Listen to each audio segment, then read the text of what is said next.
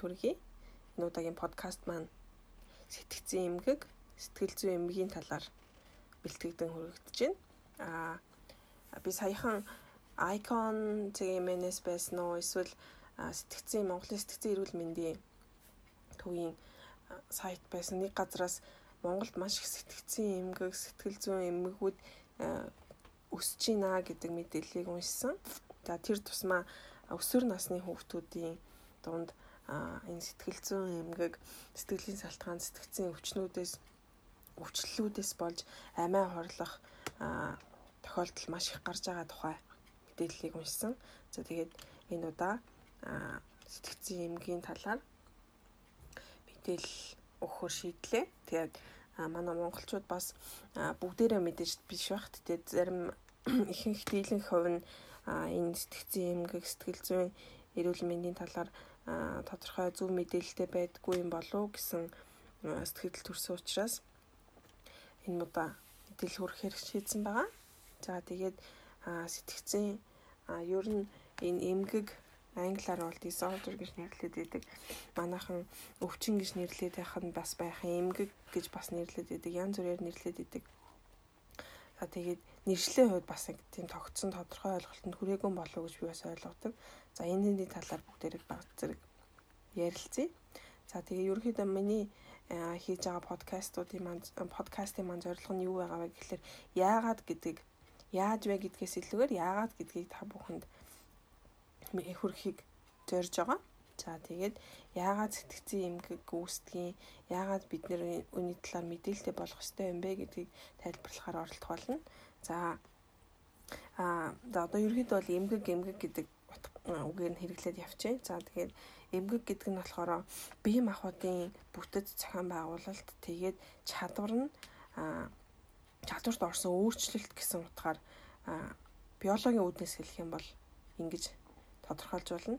За тэгээд Дэлхийн эрүүл мэндийн байгууллагаас 1980 онд гаргасан тайлбар болвол энэ эмгэгийг эмгэг нь ерөөсө дотроо. Гурван төрлийн үйлчлэлтэй байна гэдгийг тодорхойлсон байгаа. За нэгдүгээрт юу вэ гэхлээр гэмтэл одоо бие махбод болон сэтгэл зүйн гэмтэл. Хоёрдугаарт а чадварын чадварын алдагдал те бүрэн чадваргүй байдал. Өөрөөр хэлбэл за англиар нь бол disability гэж нэрлэдэг. А мөн нийгмийн саад бэрхшээл за энэ нь болохоор англиар handicap гэж нэрлэдэг монголчууд аа тэгээд а ерөнхийдөө дэлхийн эрүүл мэндийн байгууллагын тодорхойлсноор бол ийм гурван төрөлтэй байдсан байна гэсэн. За тэгээд яг эмгэг гэдэг нь юу хэлээд байгаа маа гэхэлэр сэтгэц болон зан үйл хүний сэтгэл зүйд тодорхой хэмжээний өвчлөл үүсээд өөрчлөлт гараад түүнтэй холбогдож байгаа холбогдсон үзэгдэж байгаа үйл ажиллагааны эмгэг болон эмгийг хилдэг. За өөрөөр батхайд өөрөөр хэлэх юм бол тархины ямар нэг хэсэгт нь өөрчлөлт үүссээд эсвэл нөгөө үйл ажиллагааны доголдолоос нь болсон төрөл бүрийн сэтгцийн өөрчлөлтийн шинж тэмдгүүд. За тэгээд биеийн өвчлөл зан үйлдэх өөрчлөлтийг эмгэг гэж шилдэг ээ гэсэн. За ер нь бол сэтгцийн эмгэгтэй хүмүүс бол жишээлбэл сэтгэл зүйн эмгэг өвчлөлттэй хүмүүс бол бусадтай эрүүл мэндийн хувьд эрүүл бид нартай яг л адилхан хүн гэдгийг бид нар бас ойлгох ёстой. нэг энэ нэг галзуу солиотой энэ балаа гэдэл ад үзээд тэгж болохгүй гэж би боддог. За тэгээд маш энгийнээр тэгж ялгуурлан гадуурхахгүйгээр ойлгохын тулд энэ бол сэтгцэн эмгэг сэтгэл зүйн эмгэгтэй хүмүүс бол ерөөсөө л бид нар жишээлбэл ханиад хүрсэн үед би бинийгаа инста ханиадтай гэж гадуурхдаггүйтэй адилхан за сэтгэл зүрхэн л ханиад хүрсэн хүн юм биш үү дээ гэж хүлээж авах хэрэгтэй болов гэж бодож байна ер нь бол сэтгэлийн ханиад гэж бас энэ өвчтөг маш энгийнээр бол хилдэг газрууд бас байдаг юм байлээ. За тэгээд түрүү Монголын тоо баримт намаг их энэ нэг хийх сэтэл болсон гэж хэлсэн. За тэгээд дэлхийн нийтийн хувьд ямар байгаа юм бэ гэдгийг хэлье. Дэлхийд даяар нийт 45 сая хүн сэтгцийн эмгэгт өртсөн одоо сэтгэл зүйн эмчилгээ хийлгдэг сэтгцэн эмгэгтэй байдгийм байна. За тэгээд нийт хүн амын а дөрвөн хүн тутмын нэг нь амьдралынхаа бүх амьдралынхаа турш нэг удаа дор хаяж нэг удаа өртөх магадaltaй байдаг статистик тоо баримт байна.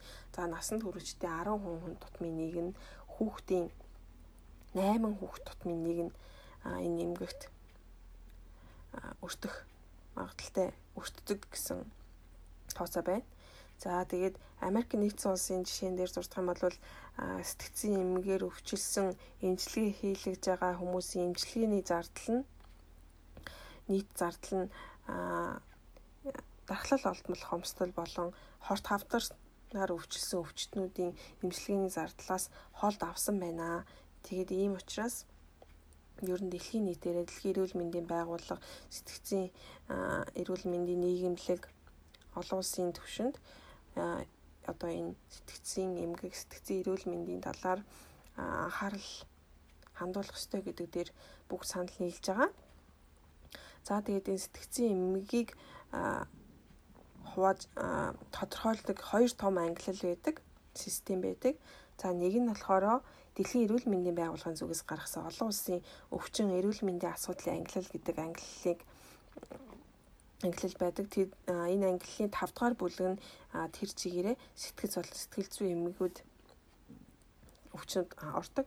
За энэ ангиллал нь яаж хувааж авч үзсэн байт юм бэ гэхлээр ерөөхдөө энэ эмгэг үүсэж байгаа зам нь юу юм бэ? Яагаад үүсэж байгаа юм бэ гэдгийг үүднээс нь авч үзсэн байдаг. Аа Тэгээд үүнийг гадын нөлөөтэй эмгэгүүд байна. Аа тэгээд сэтгэл зүй болон сэтгэлийн шалтгаантай эмгэгүүд а дээрэс нь дотоод шалтгаанд яг яагаас нь тодорхойгүй. А гэхдээ эмгэг үүсээд ажиглагдаад байгаа эмгэгүүд гэдэг утгаар хувааж авч үзсэн байдаг. За тэгээд энэ дэлхийн эрүүл мэндийн байгууллагаас тодорхойлсон энэ ангиллалыг ICD гэж нэрлэдэг. За тэгээд энэ ICD-гийн F англи нь тэр чигээрээ 5 дугаар бүлэг буюу F англи нь тэр чигээр сэтгцэн эмгэгтэй холбоотой хүчлэлүүдийн нэршлээдэг. За тэгээд бас нэг том англи нь болохоор Америкийн сэтгцэн эрүүл мэндийн нийгэмлэгээс гаргасан тодорхойлсон DSM гэдэг ангиллага одоо DSM тэгээд байнгын ангиллуу жоохон нэмэгдээд өөрчлөгдөд явдаг. Яагаад гэвэл жишээлбэл нөгөө интернет тоглоом мөн донтолтыг бол бас өвчин гэж үздэггүй байсан эмгэг гэж үздэггүй байжгаад сүүлд нэмэн нэмж оруулсан байдаг гэх мэтчлээ ингээд баг багаар өөрчлөлтүүд явдаг. За тэгээд дэлхийн эрүүл мэндийн байга а биш Америкийн эрүүл мэнд сэтгцэн эрүүл мэндийн нийгэмлэгээс гаргасан DSM одоо 5 гэж байгаа санагдаж байна. За энэ 5 англи нь болохоор ерөнхийдөө эдгэрийг өвчнүүд өвчлөлүүдийг эмгэгүүдийг үүсэж байгаа шалтгаан тодорхойгүй шалтгаанаар нь биш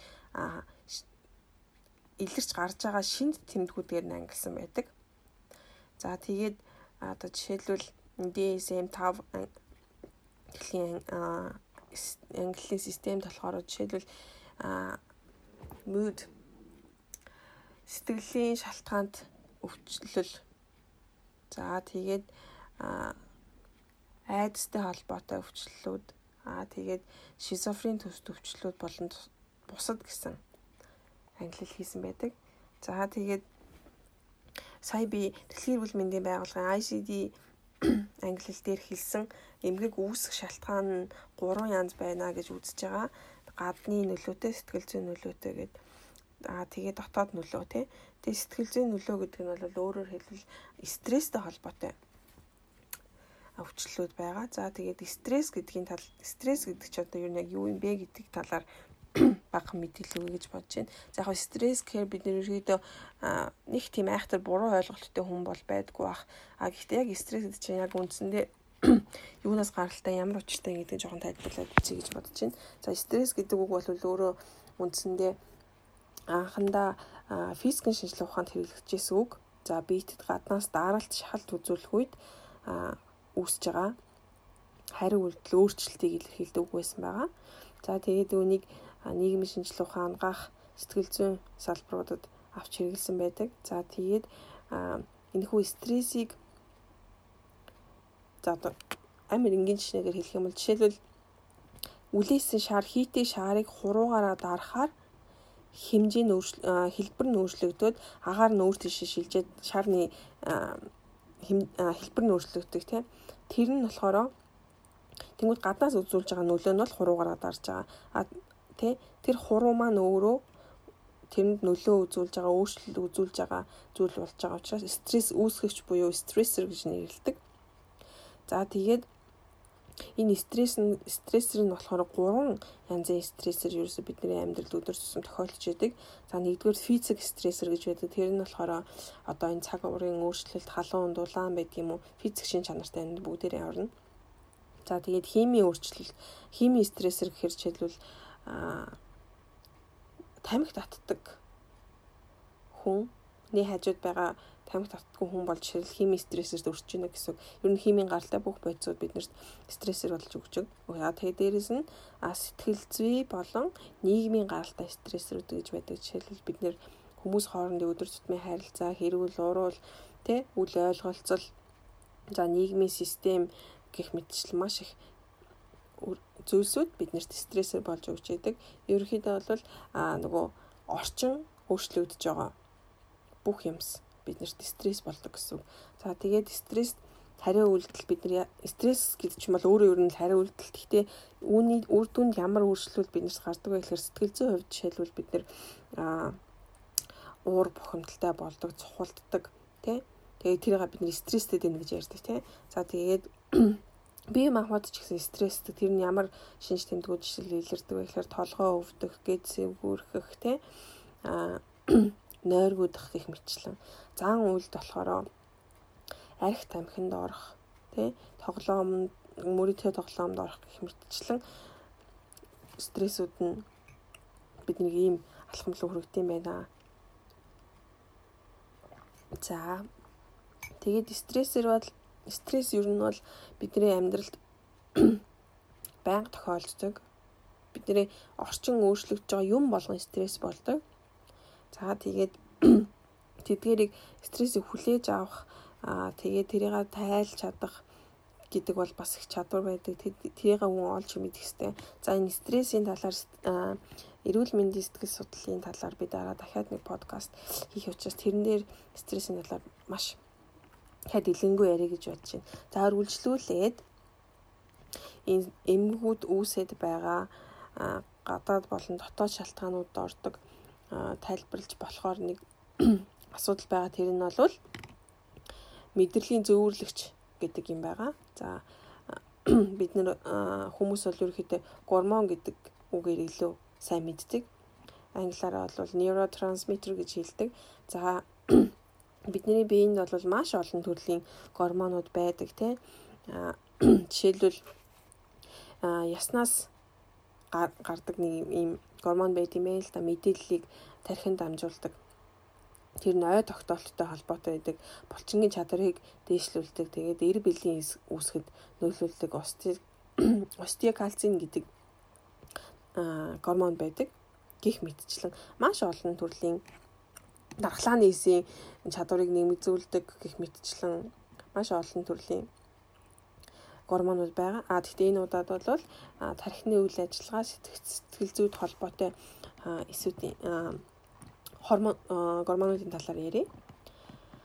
За бид нэр хамгийн их сонссон мэддэг уу гэж бодож байгаа нь адреналин нэгдүгээр шүү дээ. Адреналин нь болохоор бидний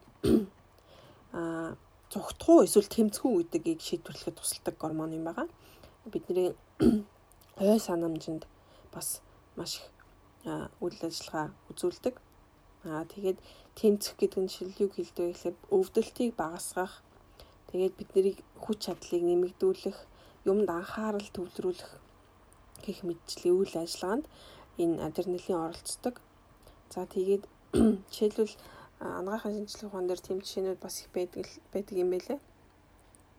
А гинт осолд орсон хүн ч юм уу маш их гинтийн цочролд аваад ороод А тэгэнгүүт адреналин маш хэмжээгээр ялгаад айдастай холбоотой гэдэг гэж хэлсэн тий. А цочролд ороод өвдөлтөө мэдрэхэ болчдөг. Маш өвдөл мэдрэхтэй мөртлөө өвддөггүй. А яагаад тэгэхээр тэр адреналинтэй холбоотой байдаг. За тийм жишээнүүд бас байдгийн байна. За дээрэс нь адреналин зүрхний цохилтыг хурдсгах, булчинд цус шахах, биедэх хүчил төрөгчийн хэмжээг нэмэгдүүлэх, хүүхэн харааг өргөсгөх зэрэг үйл ажиллагаануудад оролцдог гормон юм байна. За тэгээд аа дээрэс нь энэ гормон адреналин гормон хит их хэмжээгээр биений хүний биед байх юм бол муу. Яадаг вэ гэхээр эсийн метаболизмд синдром үүсгдэг. Аа тэгээ зүрхний өвчлөлт хүргэдэг. Өндөр даралттай болох гэх мэтчлэн асуудал үүсдэг юм байна. За тэгээ дараагийн гормон юу вэ гэхээр нон адреналин норадреналин гэж нэрлэдэг. За энэ бол ихтэй адреналин та нэлээд төстэй цусны даралттай холбоод цусны даралтыг зохицуулж яадаг. Тэгээд стресстэй маш холбоотой байдаг гормон. За дээрэс нь дараагийн 3 дугаар допамин гэдэг гормон байгаа. Энэ нь болохоор бидний хөдөлгөөний удирдлага хэсэг болж ирдэг. Хөдөлгөөнийг удирддаг. За дээрэс нь бидний мотивац, урам зоригтой холбоотой. Дээрэс нь бэлгийн дур хүсэл аа тэгээд сэтгэл хөдлөлийн хариу үйлдэлүүдтэй холбоотой үйл ажиллагаанд оролцдог. Бие биеийн бусад хэсгүүдээс тархилуу төв мэдрэлийн систем рүү сигнал дамжуулж идэг. Гормон юм байна. За тэгээд серотонин дөрөвдүгээрт серотонин нь болохоор сэтгэл зүйн байдал за тэгээд сэтгэл хөдлөл хоолны дуршил биеийн температур, эмэгтэйчүүд бас сарын тэмдгийн үйл ажиллагаатай холбоотой үйл ажиллагаануудад оролцдог. Эсүүдийн хооронд мэдээлэл дамжуулдаг ийм гормон байгаа юм. За тэгээд мөн дээрэс нь биеийн доторх цаг гэж бас нэрлэдэг юм байлээ. Яг тэгэхээр бидний нойртой холбоотой асуудлуудыг серотонин зохицуулдаг. За тэгээд серотонины дараа бол а окситокин гэж окситоцин гэж гормон байгаа. Энэ нь болохоор бид нар хайрын хайрын гормон гэж нэрлэдэг. За бэлгийн бэлгийн үйл ажиллагаа. За тэгээд эмэгтэйчүүдэд бас нөгөө дөнгөж төрсний дараа хүүхдээ хөхүүлэх үед гих мэтчлэн үеүүдэд ялгадаг энэ хайрын гормон гэж нэрлэдэг. За бас GABA гэж гормон байдаг. Тэр нь болохоор ерөөхдөө бидний тархинд дах үйл ажиллагааг хөөрлийг зогсоох дарангуйлах системийн үйл ажиллагааг явуулдаг ийм гормон байгаа.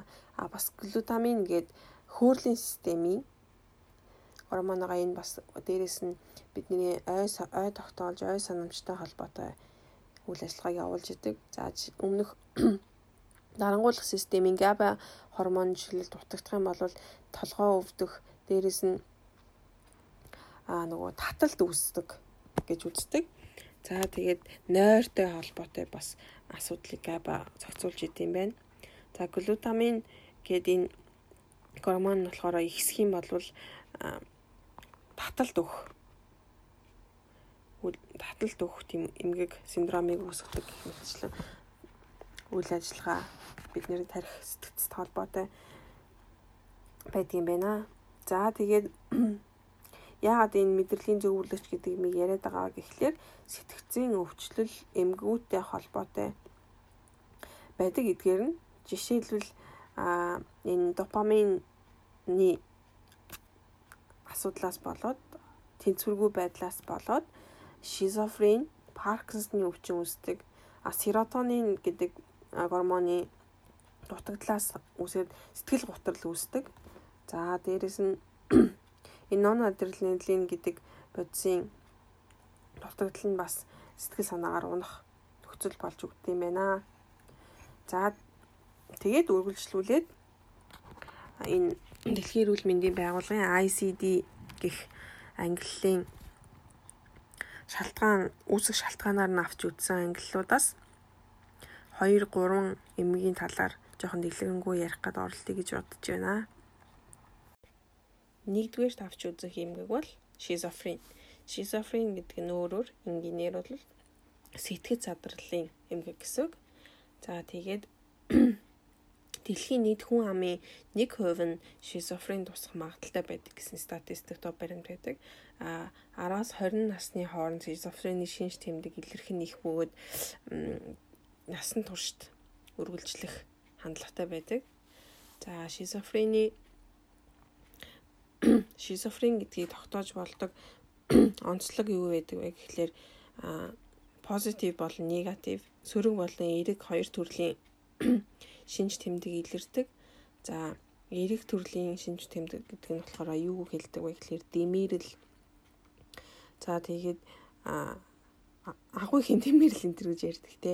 Өөрийгөө айгүйх энэ одоо бурхан гэж боддог ч юм уу би бол энэ ертөнцид тустай хүн ч гэдэг юм уу маш их дэмэрдэг за дээрэс нь хий юм харах сонсох хий юм үнэрлэх гэх мэтчлэн шинж тэмдгүүд илэрдэг за дээрэс нь ярианд нь ямар өөрчлөлт ордог вэ гэхээр ямар ч хоорондоо логик авцалтаагүй яриа нэг төвшөнтэй болцсон байдаг.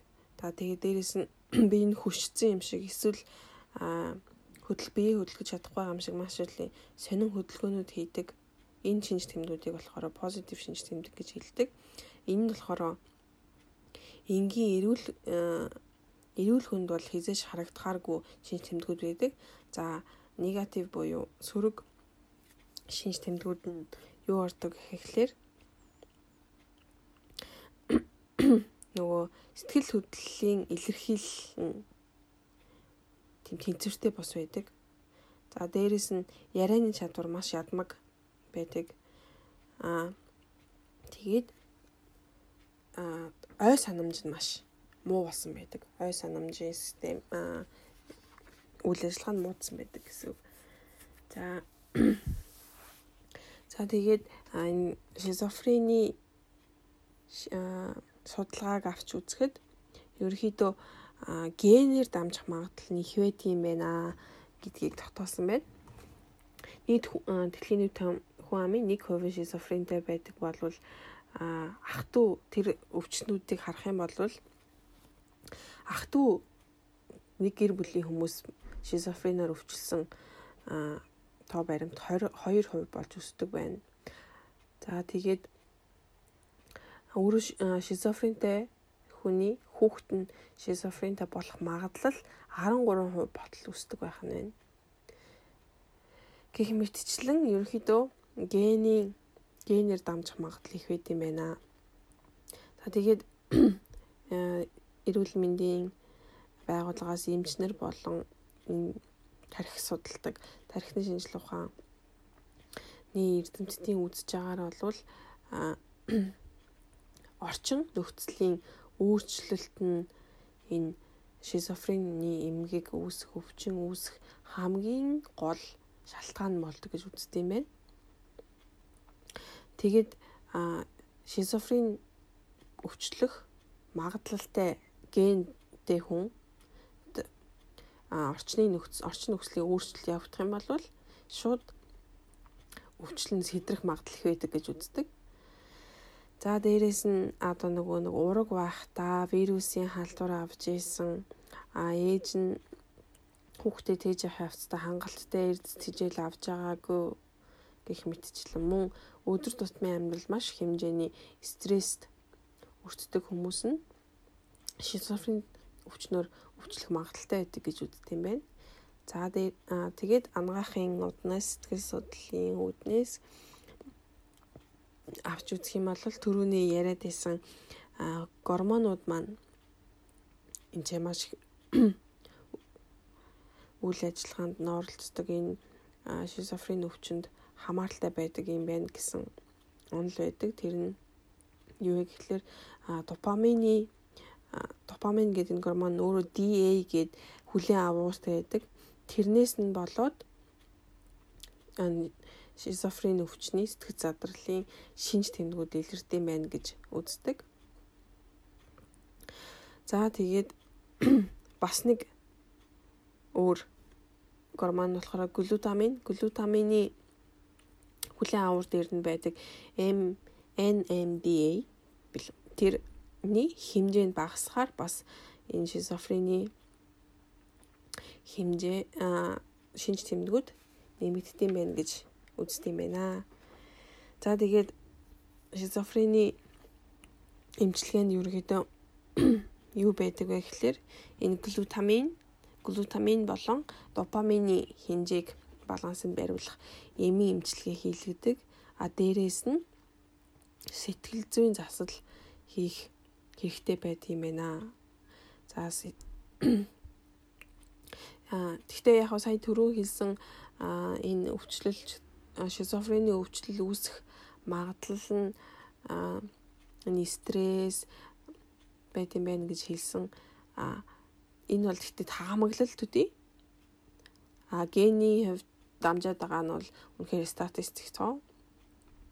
А тэг статистик тоо харахаар энэ өөрчлөлт орчны өөрчлөлт нөлөөлөд байгаа юм, стресс нөлөөлөд байгаа юм байна гэдэг таамаг дэвшүүлээд байгаа боловч ер нь бол эцсийн дүндээ яг аль нь зөв тэр нь буруу гэж хэлэх маш тодорхой ойлголт бас байхгүй гэдгийг ер нь альч сэтгцэн эмгүүд дээр хэлэхэд байдгүй юм байлээ шүү гэж хэлмээр байна. За тэгээд дараагийнх нь шизофрен төстэй хам шинжийн шизофренийн хам шинжийг агуулсан өвчнүүд гэж бас маш олон эмгүүд байгаа. За тэгээд дараагийн өвчлийн талаар ярилцъя. Сэтгэлийн дотоод шалтгаанд өвчлөл эмгэгийн нэг нь болохоор affective disorder гэж нэрлэдэг сэтгэл хөдлөлийн эмгэг байгаа. За энэ сэтгэл хөдлөлийн эмгэг нь болохоор ерөнхийдөө хоёр янз байдаг. А нэг нь юу вэ гэхэлэр сэтгэл санаагаар унах сэтгэл сэтгэл готрал тий нөгөөх нь болохоор хоёр туул сэтгэлийн эмгэг гэдэг өвчин байгаа. Эмгэг байгаа. За а маш энгийнээр хэлэх юм бол а нийтийн нийт хүн амын 7% нь энэ сэтгэл готрол эсвэл хоёр төрөлт эмгийн эмгээр өвчлөх магадaltaй байт юм байна. Тэгээд энэ байд шинж тэмдэг гутралын шинж тэмдэг нь ерөнхийдөө 4-өөс 12 сар үргэлжлэх үе их хвчлэн байдаг. За тэгээд тэр хүн өөрөө энэ сэтгэл хөдлөлөө энэ сэтгэл гутралаа удирдах чадахгүй болцсон байгаа тохиолдолд бол энийг эмгэг гэж авч үздэг. За амиа хорлолтын хамгийн том шалтгаан нь энэ сэтгэл гутралын эмгэг байдаг. За ерөөхдөө эмгтэй хүмүүс их эмгээр өвчлөх хандлага ажиглагддаг. За сэтгэл гутрал гэдэг нь яадаг вэ гэхэлэр ерөөсөө амьдрал төр чигээр утгагүй болдог гэсэн үг. Ерөөсөө л баяр хөөртэй бид нэр энгийн үед эрүүл үедээ мэдэрдэг байсан баяр хөөр, аз жаргал ерөөсөө мэддэхэ болдог. За тэгээд бүх юм тийм тэгэхээр нөгөө бүх юм ингээ гонигтай болчт юм уу, уйтгартай болчт юм уу гэхэл ерөөсөө бас уйтгар гонигаш баг мэдрэхэ болдог гэсэн үг юм билэ. Ерөнхийдөө бол ямар ч юм мэдрэхэ болоод юу ч хүлээж авч чадхаа болчдөг. Готрлын шинж тэмдэг. За тэгээд хоёр туйлтай итгэцэн юм гэдэг нь болохоор хит их хөөрөлд автдаг, дэмэрдэг төрөнд шизофрен дэр хэлсэн шиг өөрийгөө агуу их гэж боддог, дэмэрлэл дэмэрлэл үүсдэг. А тэр нь бас 4-өөс 12 сар үргэлжилчихэд дахиад бүр тэрнээс ч ихээр үргэлжлэх хугацаа үе байдаг. Өвчтөн болгоноос хамаараад өөр өөр байдаг. Тэгэл үргэлжлээд итгэл гутрал үргэлжилдэг, буцаад хөөрөл үргэлжилдэг ийм өвчлөл эмгэг байд юм байна. Аа за тэгээд ярилцъя. Шинжлэх ухаанд моноаминогийн таамаглал гэж нэрлэдэг эпиноприн тэгээд серотонин гэдэг хоёр гормоны баланс хит алдагдсанаас болоод сэтгэл готрол үүсдэг гэдэг таамаглал байдаг. За нөгөөт нь болохоор стресснээс болоод стресс стрессийн талаарх таамаглал нь болохоор нөгөө хүүхэд бага наснда маш хэмжээний хүчирхээлэлд өртөжсэн тохиолдолд энэ өвчлөлд сэтгэл сэтгэл готролд орох магадлал их байд юм байна. За хүн стресс тэгэхээр тархинаас тархинаас кортизол гэдэг гормон ялгардаг боловч а нөгөө багада маш их хүчрхийлэлд өрж исэн хүүхэд тэр гормоных нь ялгаралт нь багасдаг юм байна л да. Тэгэхээр энэ стресс болвол яалцчгүй сэтгэл готролд нөлөөтэй байт юм байна гэж үздэг. За тэгээд ямар төрлийн эмчилгээнүүд хийдэг гэхээр мэдээж энэ серотонин аны хэмжээг тохируулах хооронд нь хэмжээг нь тааруулах эмнүүд хэрэгэлдэг. Тэр энэ SSRI, SNRI гэх мэтчлийн эмнүүд үүдэг. За энийг бол би ангаахын хүмүүс болохоор бас дэлгэрэнгүй бол хэлж мэдэхгүй байна. За тэгээд юу цахилгаан эмчилгээ хийдэг. Гэхдээ энэ нь бол ерөнхийдөө бол дэлхийн эрүүл мэндийн байгууллага эмч нарын зүгээс бол тийм зөв эмчилгээ гэж үздэггүй. Гэхдээ үнэхээр арга барсан үед бол хэрэгэлдэг эмчилгээ юм байлээ. За тэгээд дээрэс нь сэтгэл зүйн зүйч дээр сэтгэл зүйчээс зөвлөгөө авах, ярилцах, сэтгэл зүй заслын эмчилгээ бол маш давхар явж байдаг байгаа. Тэгэхээр сэтгэл гутралын эмгэх болсон хүн болвол жишээлбэл өөрөө хүсээд ч юм уу өөрөө тэрийг зохицуулж чадахгүй хүсээд тийм эмгэгтэй болоогүй яалчгүй нөгөө тархин дотор нь гормоны өөрчлөлт явагдаад байгаа сэтгэл зүйд маш хэмжээний өөрчлөлт орсон байгаа болохоор энийг бас хүмүүс зөвөр ойлгоод ойлгох ёстой. Жишээлбэл эргэн тойрны чинь хин нэгэн сэтгэл гутралтай болсон байлаа гэж бодоход тэрийг зүгээр орхиж болохгүй эмчлүүлэх ёстой, эм уу ёстой. Дээрээс сэтгэл зүйчд хандаж зөвлөгөө авах ёстой маш бас урт хугацааны эмчилгээ, сувилгаа, зөвлөгөө авах шаардлагатай болдог учраас энийг бол бас тэгээд орхиж болохгүй. Дээрээс нь за энэ нэг юу гэдэг сэтгэл зүйн хувьд хүчгүй гэдэг юм уу те хүчтэй сэтгэл зүйтэй хүн болвол энэ өвчнөд нэрвдэхгүй ч гэдэг юм уу тийм юм бол байхгүй. Тийм учраас сэтгэл готролд автсан хүний хэн нэгэн байлаа гэхэд энэ бол нэг тийм суул дорой хүн гэдэг утгаар хүлээж авч болохгүй маа гэдгийг хэлмээр байна. За дараагийнх нь болохоор anxiety disorder энэ болохоор төгшүүрийн эмгэг гэж хэлдэг бас нөгөө сэтгэл сэтгэл санааны байдлаас хамааралтай үүсэж байгаа эмгэг. За энэ дотроо бас нөгөө маш олон эмгэгүүдийг хамардаг. Ерөнхийд нь бол төгшүүрийн айдсын эмгэг гэж нэрлэдэг. За дотор нь паник паникны эмгэг, паник болох эмгэг. За тэгээд талбайн улигт эмгэг, айдас, нийгмийн айдас, тэгээ PTSD буюу гэмтэл ослын дараах стресс гэж нэрлэдэг. Эднес бүгдээрээ төгшүүрийн эмгэгт ордог байгаа. За ерөөхдөө төгшүүрийн эмгэг гэдэг нь болохоор ерөөсөө цохистой бус айдас бий болж байна гэсэн үг. Жишээлбэл энэ нөгөө нэг нийгмийн ойлгохт айдас гэдэг нь болохоор ерөөсөө цохих хэмжээнд нийгэмтэй харилцаж явах хэрэгтэй байх хэрэгтэй байхад эсвэргээрээ нийгэм лөө чиглэсэн нийгэмтэй холбоотой нийгэм лүгөө гарсан үйл ажиллагаа зан үйл хийх гэхээр айдаг тэнцээс зугтдаг аа тэгээд одоо жишээл гэрээсээ гарахаа болдог ч юм уу гэрээсээ гарахаараа төгшүүрийн мэдсэнж айдсын мэдрэмж авдаг байх жишээтэй. За тэгээд бас нэг ер нь янз бүр тэгээд юунаас хамаарч яана гэдгээс шалтгаалаад японочууд жишээлбэл бусдаас монголоор бол би одоо бусдаас л гэж хэлэх гэж байна. Бусдаас айх үлэгт эмгэг гэх юм уу тийм эмгэг маш их байдаг. За тэрийг нөгөө шинжлэх ухаанд ерөөсөн Америк, Англи хэлэнд хүртэл аа нөгөө Япон үгээр нь хэлсэн байдаг. Тайжин кофе гэдэг бусад хүнээс айдаг гэсэн өөрөөсөө бусад харилцагчтай харьцахаас айдаг тийм уйлэгт айцсан эмгэг байдаг. Гэх мэт эднээс нь болохоор эдгээр эмгэг нь яагаад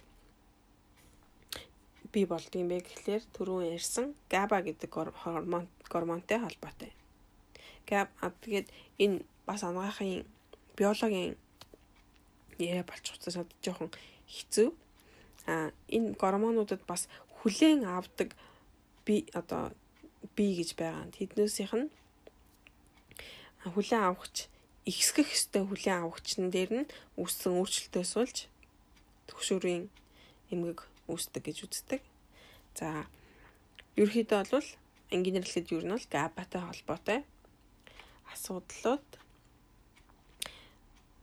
урлагт айдсын эмгэгүүдийг үүсгэх юм байна. Тэгээ дээрэс нь серотонин хэмжээг ихсгэх хэрэгтэй байдаг. За тэгэхээр серотонин бас энэ тал урлагт айдсын төгшүүрийн эмэгтэй холбоотой байдаг юм байна. Ямар шинж тэмдэг илэрдэм бэ гэхлээр айдсаас гадна зүгээр айх бол бас нэг өөртөө яг айдстай холбоотой айхад төрдөг биологийн өөрчлөлтүүд физиологийн өөрчлөлтүүд үүсдэг одоо толгоо эргэх, бөөлж зутгах, хөлс гарах, зүрх өвчтөд ингээд цавлах, цээжээр өвдөх гих мэтчлэн шинж тэмдгүүд илэрдэг байх нь. Ерөнхийдөө бол энэ төгшүүрийн увлагт айцыг бол маш хүчтэй хэмжээгээр буруу суралцгын үүснээс болж үүсдэг гэж үздэг. Тийм учраас эмчилгээнд нь бол одоо энэ габаг зохицуулах амжилтгаас гадна танин мэдхийн сэтгэл сэтгэл зүйн эмчилгээний арга гэж байдаг тэрийг хэрэгэлдэг байх нь. Хөрвүүлжлүүлээд аа суралцгын эмгэг гэж нэрлэдэг learning disability гэж нэрлэдэг. Энэ энэ талаар баг зэрэг ярилцъя. За энэ болохоор нөгөө түрүүний дэлхийн эрүүл мэндийн байгууллагын системтэй тэр бол тэр гурван дөрөвдүгээр тавдугаар бүлэгт нь тавдугаар бүлгийн тавдугаар хэсэгт нь гэх юм уу ордог байгаа. Ерөнхийдөө бол хүүхдийн хүний хөгжлийн үйл явцтай холбоотой эмгэгүүд гэж байгаа. Жишээлбэл энэ оюуны хомсдол, за аутизм, Тэгээд энэ суралцгын эмгэг гэдэг бол бүгдээрээ энэ хөгжилтэй хүний хүний хөгжлийн эмгэг гэж нэрлэдэг. За энэ нэг байгаа. За суралцгын эмгэг гэдэг нь болохоор яадаг юм бэ гэхлээрэ харах, сонсох, мэдрэх аа тэгээд сэтгэл хөдлөл хөдлөх хөдөлთა холбоотой аль нэг чадвар нь эмгэгтэй байдаг гэсэн үг. За жишээлбэл аа таван төрлийн чадвар байгаа штэ. Бичих, сонсох, ярих, тоо бодох гэсэн Эртний эрүүл мэндийн байгууллагаас тодорхойлсон ICD гэдэг системийн ангиллал нь 3 янзын үүсгэгчээс нь хамааруулж ангилсан гэсэн бол бас аль ч үүсгэгчт нь хамаардгүй юм ангиллал байдаг. Яг шалтгаан нь тодорхойгүй таамаг төдий байдаг. Тэгээ тийм учраас бас тусад нь хой хүний зан үлийн хой хүний эмгэг а тэгээ дээрэс нь хүний хөгжлийн эмгэг гэсэн хоёр ангиллал бас байдаг. За энэ хүний хөгжлийн эмгэг гэдэгт нь болохоор жишээлбэл оюуны хомсдол, аутизм гэх мэтчлэн эмгэгүүд ордог. Бас энэ удаа бол би суралцгын эмгэг гэдэг сэдвийг нь жоохон ярих гэж бодлоо. Яагаад гэхэлэр хүмүүс аав ээжүүд бас энэ суралцгын эмгэг гэдэг зүйл байдаг гэдгийг мэдэхгүй улмаас хүүхдээ хичээл хийхгүй байх, эсвэл чадахгүй байх гэж бодоод одоо шийтгэх ч юм уу сэтгэлээр ундаг ч юм уу тийм юмнууд бол жишээнүүд бол маш их байд юм байлээ. А тэгэхээр энэ сэтгэл суралцсан эмгэг гэдэг нь юу хэлдэг вэ гэхлээр а боловсрал болон сэтгэл судлалын шинжилгээ ухаанд авч үздгээр бол хүүхдүүд тухайн хүн үндсэн одоо байх ёстой танин мэдхийн чадвар болон оюуны хомсдол байхгүй ч гэсэн сонсох, ярих, бичих, унших, тоо тооцоол хийх гэсэн чадруудын аль нэг нь эсвэл хид хідэн асуудалтай байгаа юм хийг хэлдэг. За тэгээд энэ эмгэгийн шалтгаан бол бас тодорхойгүй. А ерөнхийдөө ангаахынхан нэг үздгээр болвол төв мэдрэлийн системд нь ямар нэгэн үйл ажиллагааны асуудал байна л гэж үзээд байдаг. За тэгвэл энэгээр хүмүүс хүүхдүүд сонсох сонсголын систем аа тэгээд харааны чадвар эсвэл оюуны ямар нэгэн хомсдол асуудал ямар ч юм байхгүй зөвхөн энэ таван төрлийн чадварын аль нэгэнд тоглолттой байдаг. За энийг дээрэс нь аав ээжүүд бас хүүхдээ хитрхи чанга хатуу хүмүүжүүлснээс болоод үссэн болов гэж бодох хүмүүс бас байдаг. Тэгэхээр энэ бол ямар ч аав ээжийн хитрхи чанга хатуу байсантай бол бас хамаагүй. А гэхдээ чанга хатуу байх нь зөв гэсэн үг биш. За тэгээд дээрэс нь хичнээн суралцсан эмэгтэй байсан ч гэсэн тухайн хүн нийгэмд гараад өөрөө бие даан амьдрах боломжтой яагаад гэхлээр энэ бол оюуны хомсдол биш шүү дээ. За тэгээд бидний сайн мэдхээр Холливуудын алдартай Том Круз бол энэ суралцгын эмгэг буюу learning disorder байсан. Тэгээд уншиж чаддгүй. Уншиж чаддгүйгээр би өөрөө бас эхлээд нь их гайхдаг байсан унсаж чадахгүй гэж үгс юм бол тэгэхээр нэг нэг үсгийг харуулахаар бол уншиж чаддаг мөртлөө нийлүүлээд үг болоод эсвэл үгнүүдийг уншиж чаддаг мөртлөө нийлүүлээд өгүүлбэр болохоор уншиж чадхаа болчдөг тийм байдаг. За тэгэхээр ийм хүүхдүүдэд бол янз бүрийн багш нар багш нарын үүднээс янз бүрийн арга хэмжээ заах арга барилаа өөрчилдөг ч юм уу тусгай арга тусгай арга хэрэгслэр боловсрол эзэмшүүлэх боломжтой байдаг аа. Ингээд энд хүрээд өндөрлөе. Тэгээд дараагийнхаа дугаараар аа сэтгцийн эрүүл мэнд аа эрүүл мэндийн сэтгэл судлалын талаар стрессийн талаар ярилцаад дээрээс нь юу ярих вэ? Хүчирхийллийн талаар хүүхэд хүчирхийллийн талаар яриад тэдгээр нь сэтгэл зүйд хэрхэн ямар нөлөө үзүүлдэг яагаад хүчирхийлэл нь буруу юм бэ гэдэг талаар ярилцъя гэж байна. За дараагийн дугаар хүртэл баяр таа.